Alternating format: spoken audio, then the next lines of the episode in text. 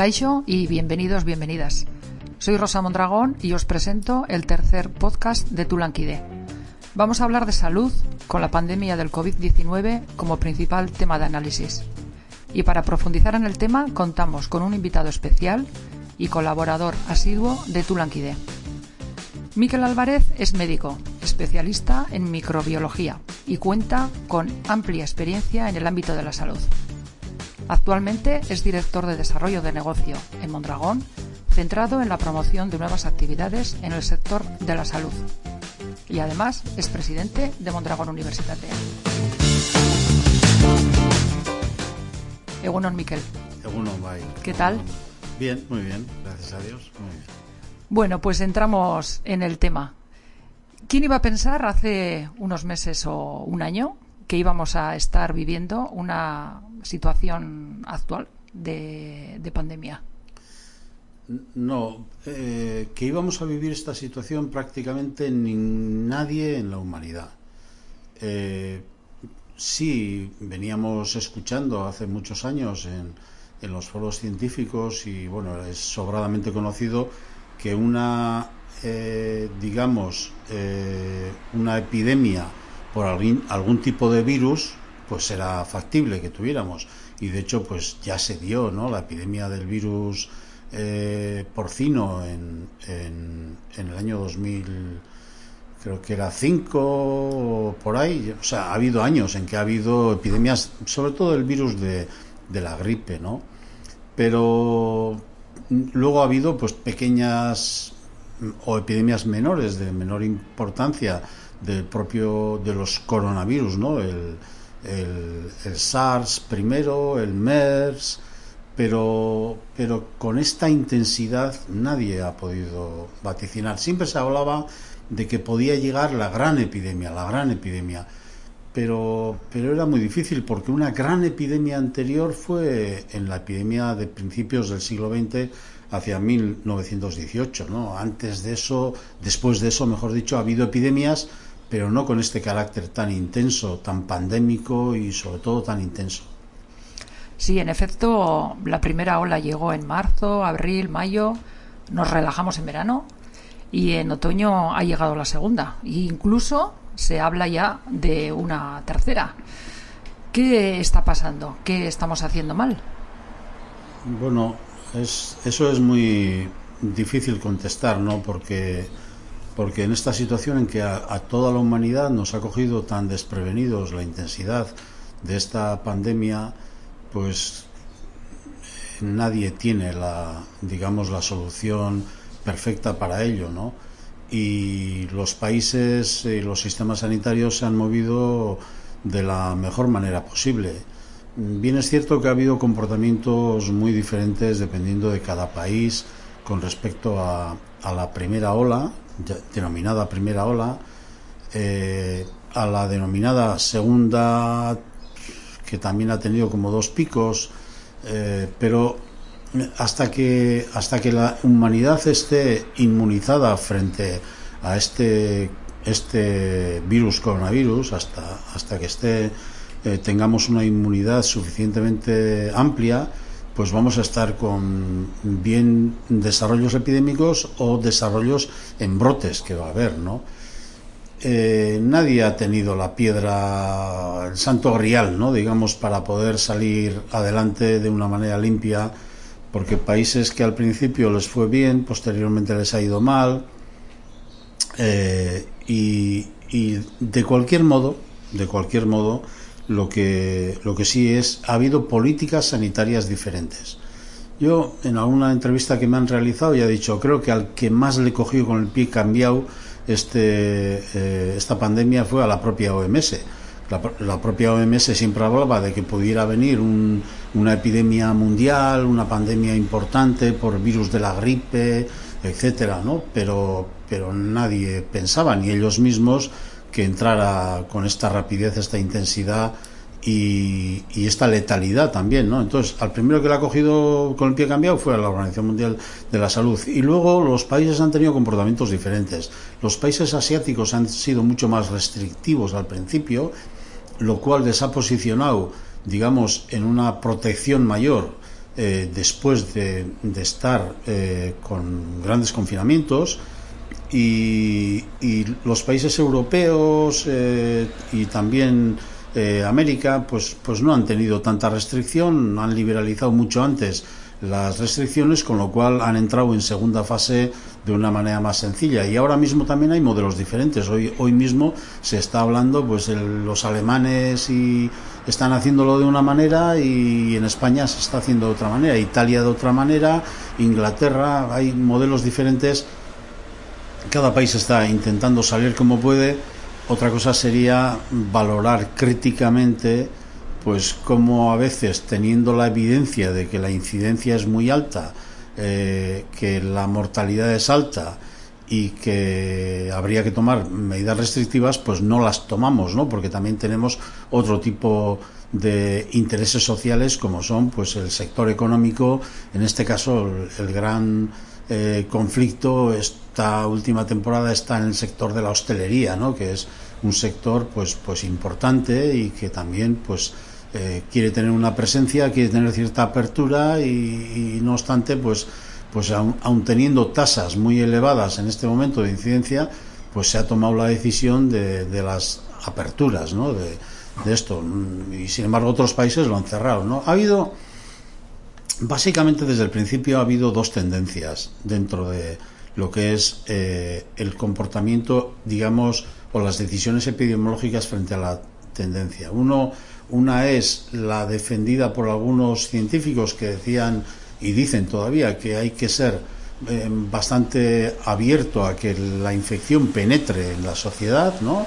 Y ahí está, pues eh, hay una declaración denominada la Declaración de Barrington en Estados Unidos, firmada por bastantes científicos, en la que dice, como es inevitable que nos vayamos a infectar, pues tampoco pongamos grandes restricciones, porque eso mata la economía, etcétera. Esta fue la posición que adoptó al principio, por ejemplo, eh, el Reino Unido, que luego tuvo que echar marcha atrás, y también fue la decisión que tomó Suecia, que parece que era un éxito, la decisión que había tomado de no hacer altas o, restricciones muy grandes y sin embargo luego ahora está en un momento con unas restricciones importantes y además con unos resultados sanitarios malos, ¿no? Bueno, los que hicieron la declaración de Barrington en Estados Unidos defienden esa posición, hay gente muy prestigiosa en eso, pero por otro lado también ha habido la, la, otra parte ¿no? de científicos que lo que han defendido es que no, que hasta que tengamos una solución de vacunación hay que tener un nivel de restricción más alto que la sociedad no puede pagar eh, este, digamos, este impuesto de mortalidad tan elevado y entonces estos se juntaron a través de otra declaración que se llama la declaración de John Snow eh, donde defendían mayores restricciones. E, en todo el periodo están conviviendo estas dos fuerzas, digamos, ¿no? E incluso en nosotros, sin, sin darnos cuenta, pues nuestros gobiernos próximos también están viviendo esta, esta eh, digamos, eh, estas dos fuerzas que en ocasiones hacen que, que se abra y en ocasiones van a la restricción, ¿no? Y nadie tiene la solución, ¿no? no yo no, no soy capaz de, de, lanzar ninguna crítica pública, desde luego, porque no, no me compete y me parece gratuito, ¿no? Porque los bastante estamos haciendo entre todos lo que hacemos, hombre. Eh, está claro que tenemos que tener un nivel de, de restricción individual, etcétera, ¿no?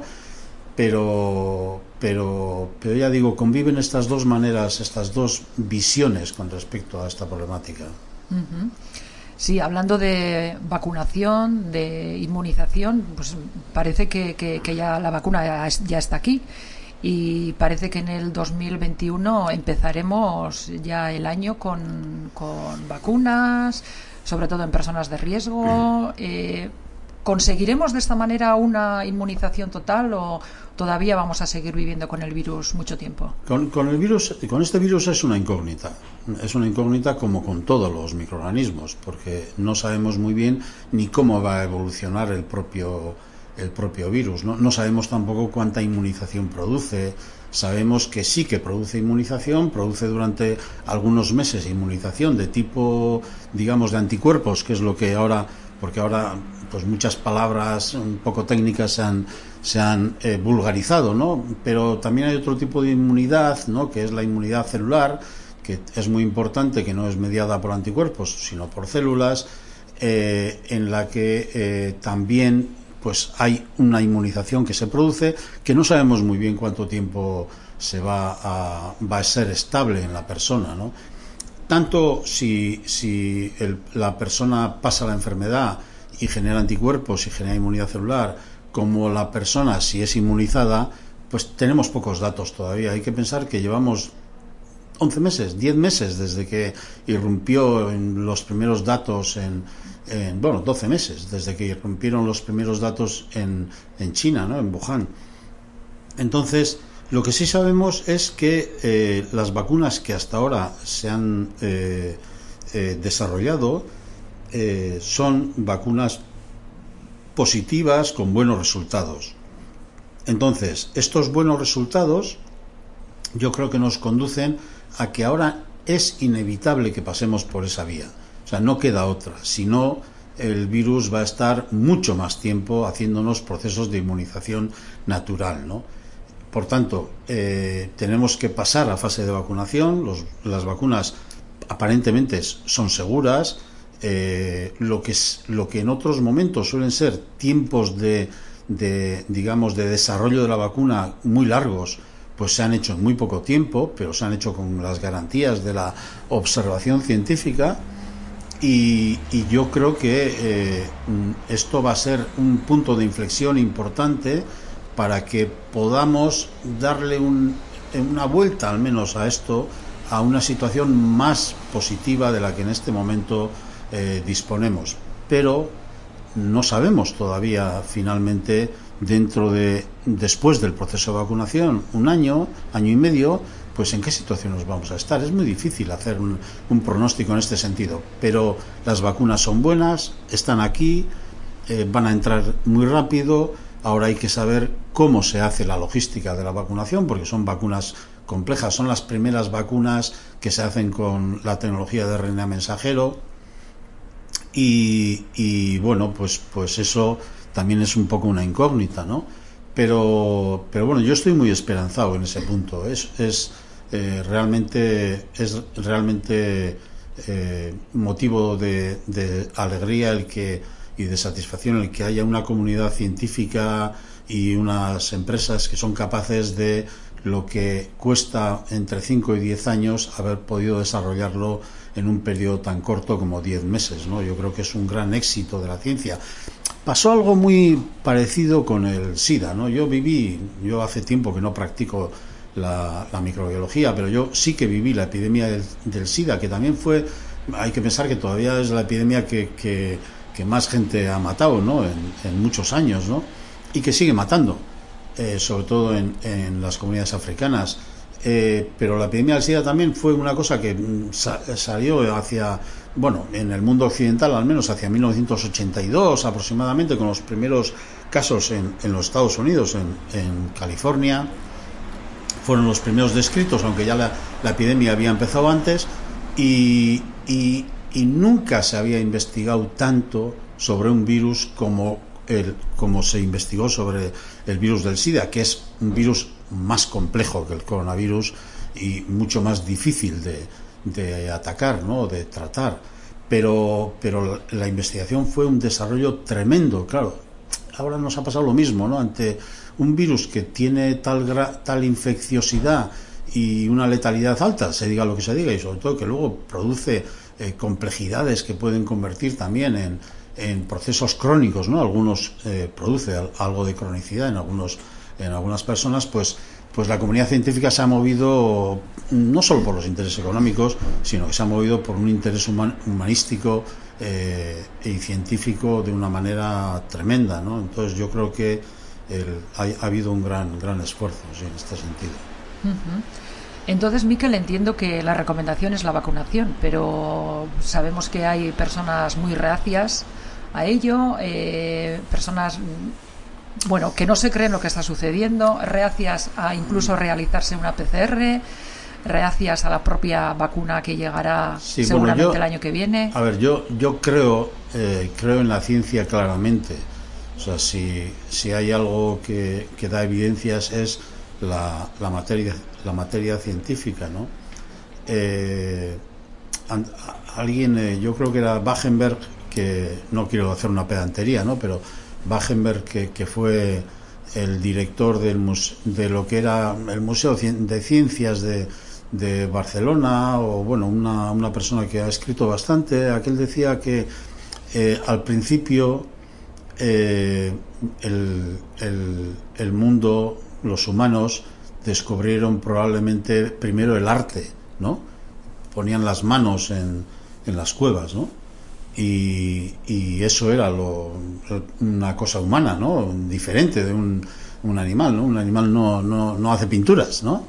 Y primero fue el arte, mm, luego la, la, revelación, ¿no? Luego ya empezamos a pensar un poco en, coño, ¿qué hacemos aquí? Eh, esto, el mundo, el alma, las religiones, ¿no? La revelación, ¿no? Y por fin, en la humanidad llegó la ciencia, ¿no? La, ciencia es, es, importante. No pensar que pensar que las vacunas son malas, dicho de alguna manera, pues pues yo personalmente creo que es contrario al sentido común y a la ciencia. Yo el día que me enteré que hay comunidades que se juntan en congresos eh, en los que debaten cómo la Tierra es plana, ¿no?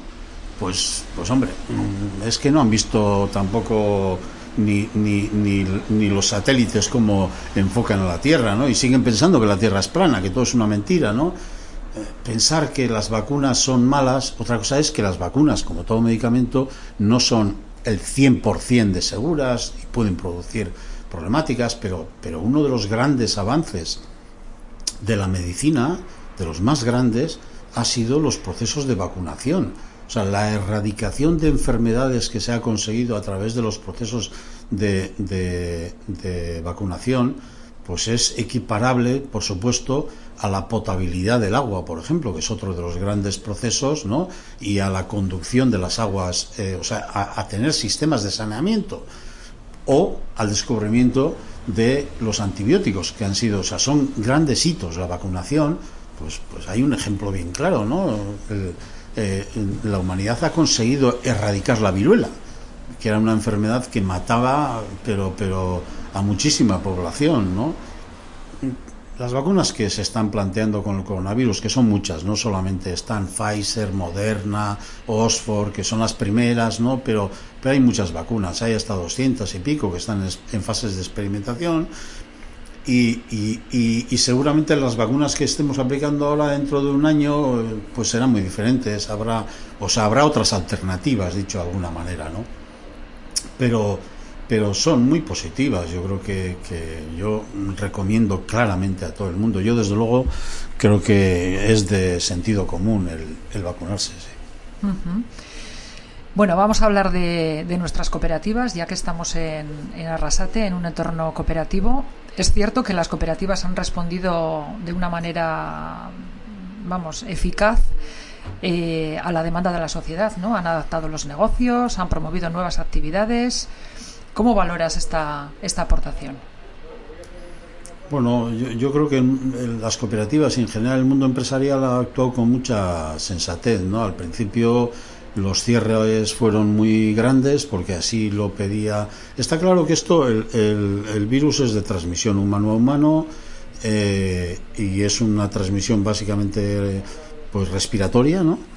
Entonces, eh, pues yo creo que al principio los cierres fueron tan importantes que también la economía pues tuvo que cerrar, ¿no? Toda la economía.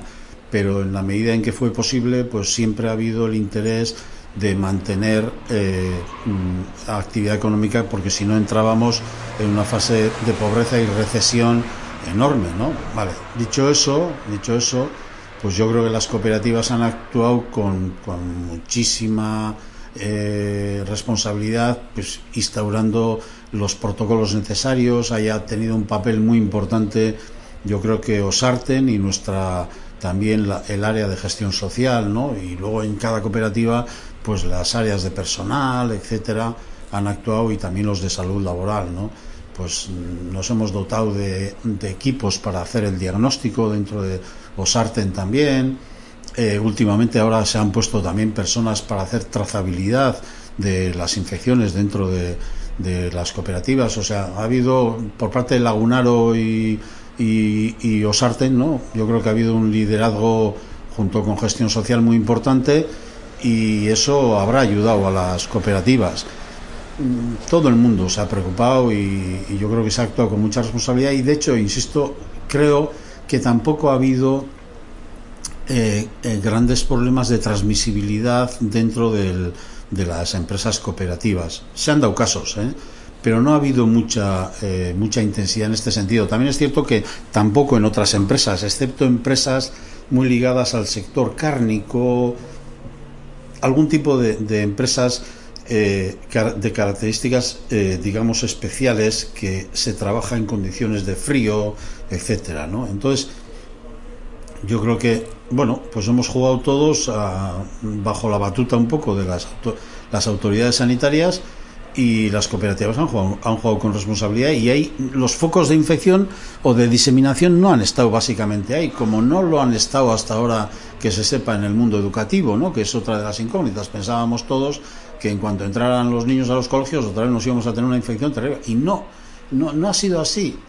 Más está en el contacto social, ¿no? En el contacto social y luego la comunidad familiar, ¿no? O sea, el contacto social lleva a que se infectan las familias. De cualquier manera, este virus es, eh, como no podía ser de otra manera, todavía no lo conocemos, no sabemos eh, qué comportamientos tiene exactamente en muchos aspectos, ¿no?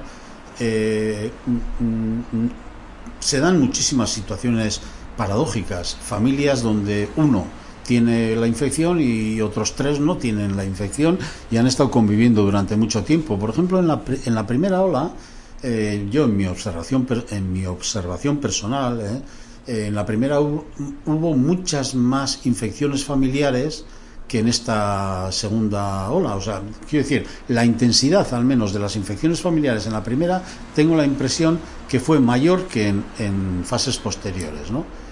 También tiene que ver con que ahora hemos aprendido y tenemos eh, otros sistemas de, de, defensa, ¿no? Y tenemos muchas más protecciones y tal, pero en los núcleos familiares, que es donde básicamente se vive, pues Mm, sorprende esta paradoja, ¿no? Eh, de cualquier manera, contestando a la pregunta, en las empresas se ha actuado como en la educación, con bastante sentido común y siguiendo las instrucciones, y no han sido lugares donde la transmisión al menos se haya hecho evidente. Se ha hecho mucho más cada vez que abrimos eh, la actividad social, ¿no? Y es bien la actividad social dentro de la actividad social es bien conocido en el mundo ¿eh? aquí quizá no está eso tan descrito pero en el mundo uno de los entornos han sido los lugares de canto de donde se canta eh, los lugares donde se, eh, se ofician religión no aspectos de culto no culto religioso etcétera no haya habido una intensidad mucho mayor de transmisión. Y luego la familia la familia ha sido el punto central claro no, quiero citar los bares y tal, porque estamos justo estos días en ese conflicto, pero, pero hombre, yo también creo que la hostelería, aunque no lo deseemos, pues también ha sido un factor y es un factor de transmisión muy alto, ¿no? Sí, volviendo a los, a los contactos familiares que comentabas, estamos a las puertas de las Navidades. ¿Cómo debemos de actuar, quizás, para que no llegue una tercera ola? O sea, yo durante bastante tiempo vamos a estar no, no tanto en primera, segunda, tercera ola, porque en agosto, pues sí, tuvimos una bajada bastante grande, no había ingresos en hospitales, no había ingresos en las UCIs y la incidencia era baja, pero nos dio una isla muy pequeña, ¿eh? o sea, fue una ventana de luz muy chiquitina, porque enseguida empezó a crecer, o sea, no... Y, y yo creo que ahora con la, con la eh, digamos, con la infección comunitaria existente, no es probable que tengamos bajadas muy importantes, vamos a tener más ondas, ¿no? ondas de ascenso y descenso. Y, estas tienen que ver efectivamente, cuanto más contacto, más, mm, más probabilidad. Eh, no sé si es la tercera, no sé, pero bueno, esto va a estar dando ondas hasta que tengamos un proceso de vacunación que nos proteja ya de una manera, digamos, más en, en grupo, ¿no? Lo que se han puesto a llamar rebaño, etcétera, seguramente con una terminología poco apropiada, pero es inmunidad de grupo en realidad. Entonces, para llegar a la inmunidad de grupo vamos a ir entre las ondas y seguramente irá bajando a medida que tengamos el ascenso de, la vacunación. Ya digo que luego con una incógnita posterior y que no sabemos, pero Las navidades, ¿cómo hacerlas? Pues la verdad es que es, es, es una eh, eh, respuesta muy difícil. ¿no? Estamos, volvemos a la pregunta primera, ¿cómo, cómo debe actuar un, un gobierno? ¿no? Pues, pues yo ahí la verdad es que no, no me permito hacer ninguna estimación porque es tan difícil.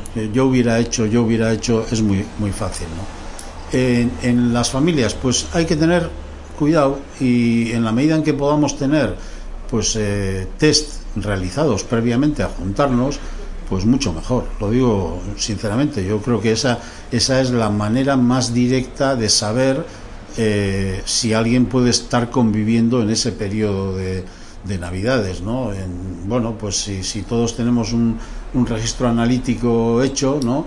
Pues eso nos permite el, el estar más tranquilos. Así todo, pues siempre con precauciones, en la medida en que podamos no ser muchos, eh, estar eh, mucho al aire libre, el aire libre es muy importante, utilizar mm, eh, mascarillas y medidas protectoras, ¿no?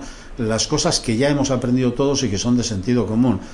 Pero si me preguntas a mí individualmente, en mi comunidad familiar, pues yo he suspendido algunas de las comidas tradicionales que tenía con mis hermanos, donde nos juntábamos muchos, lo hemos pospuesto porque no nos parece prudente, y sin embargo en el núcleo más cercano con mis hijos, a los cuales eh, sí quiero tener cerca y no viven conmigo, pues voy a hacerles una voy a voy a hacer PCR, voy a pedir que les hagan una PCR, pues para que ellos sobre todo estén tranquilos con sus padres, ¿no? Porque nosotros ya somos gente con cierta edad y eh, pues tenemos que tener algún tipo de protección. Por tanto, yo diría que no es ni todo ni nada y que cada uno debe de medir. Ya digo, yo en una parte de mi familia he pospuesto porque son núcleos muy grandes y difíciles de controlar, con muchos más niños, etcétera, etcétera, y jóvenes adolescentes, y sin embargo, en lo que tiene que ver con mis hijos, eh, pues bueno, pues voy a hacer el hacerles una PCR y con eso,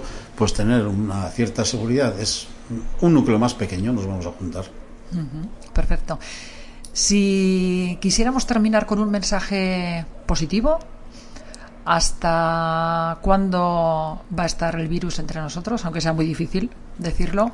Y, cuándo vamos a llegar a esa plena normalidad. Pues esto, en, en, en esta temática, como en casi todo, ser, eh, ser profeta es imposible. Ser notario es más sencillo, ¿no? Tomo acta, ¿no? Eh, pero ser profeta es complicado. Pero eh, yo que de natural no creo que soy un hombre eh, muy, muy optimista, diría, ¿no? Pero, pero en este aspecto soy optimista porque creo que, a ver, el virus ha, venido para quedarse para siempre, siempre va a vivir con nosotros. Es, será el séptimo coronavirus con los humanos que convive y que de vez en cuando, pues alguien nos dará algún tipo de problema. O sea, ha venido a quedarse. Eh, pero, dicho eso, creo que esta situación difícil que estamos viviendo, en la que todos estamos ya muy, muy cansados, todos, yo lo noto no solo en mí mismo, lo, lo, veo en mis hijos. Mis hijos son jóvenes y también están cansados porque, claro, quieren viajar. Quieren viajar porque quieren irse de vacaciones. Y el otro quiere escalar y el otro quiere irse al Pirineo. Y dices, pero no puedes. Todos estamos cansados. Yo también, yo también, todos. Pero tenemos que aguantar.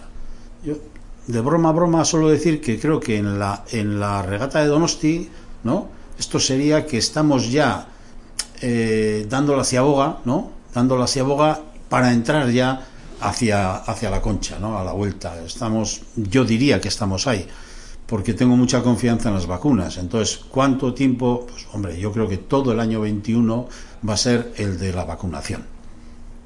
Y tengo la esperanza de que el año 22 estemos ya en una situación, en una situación buena, en la que puede haber casos, puede haber brotes, puede haber eh, cosas, pero de no ser que haya un cambio de cepa, ¿no? De que, bueno, a veces hay mutaciones en las cepas que pueden complicar. De hecho, esta también ya ha tenido varias actuaciones de mutación, pero hasta el momento no, no mutaciones que provoquen un cambio muy importante. Pero claro, con la vacunación hay que ver.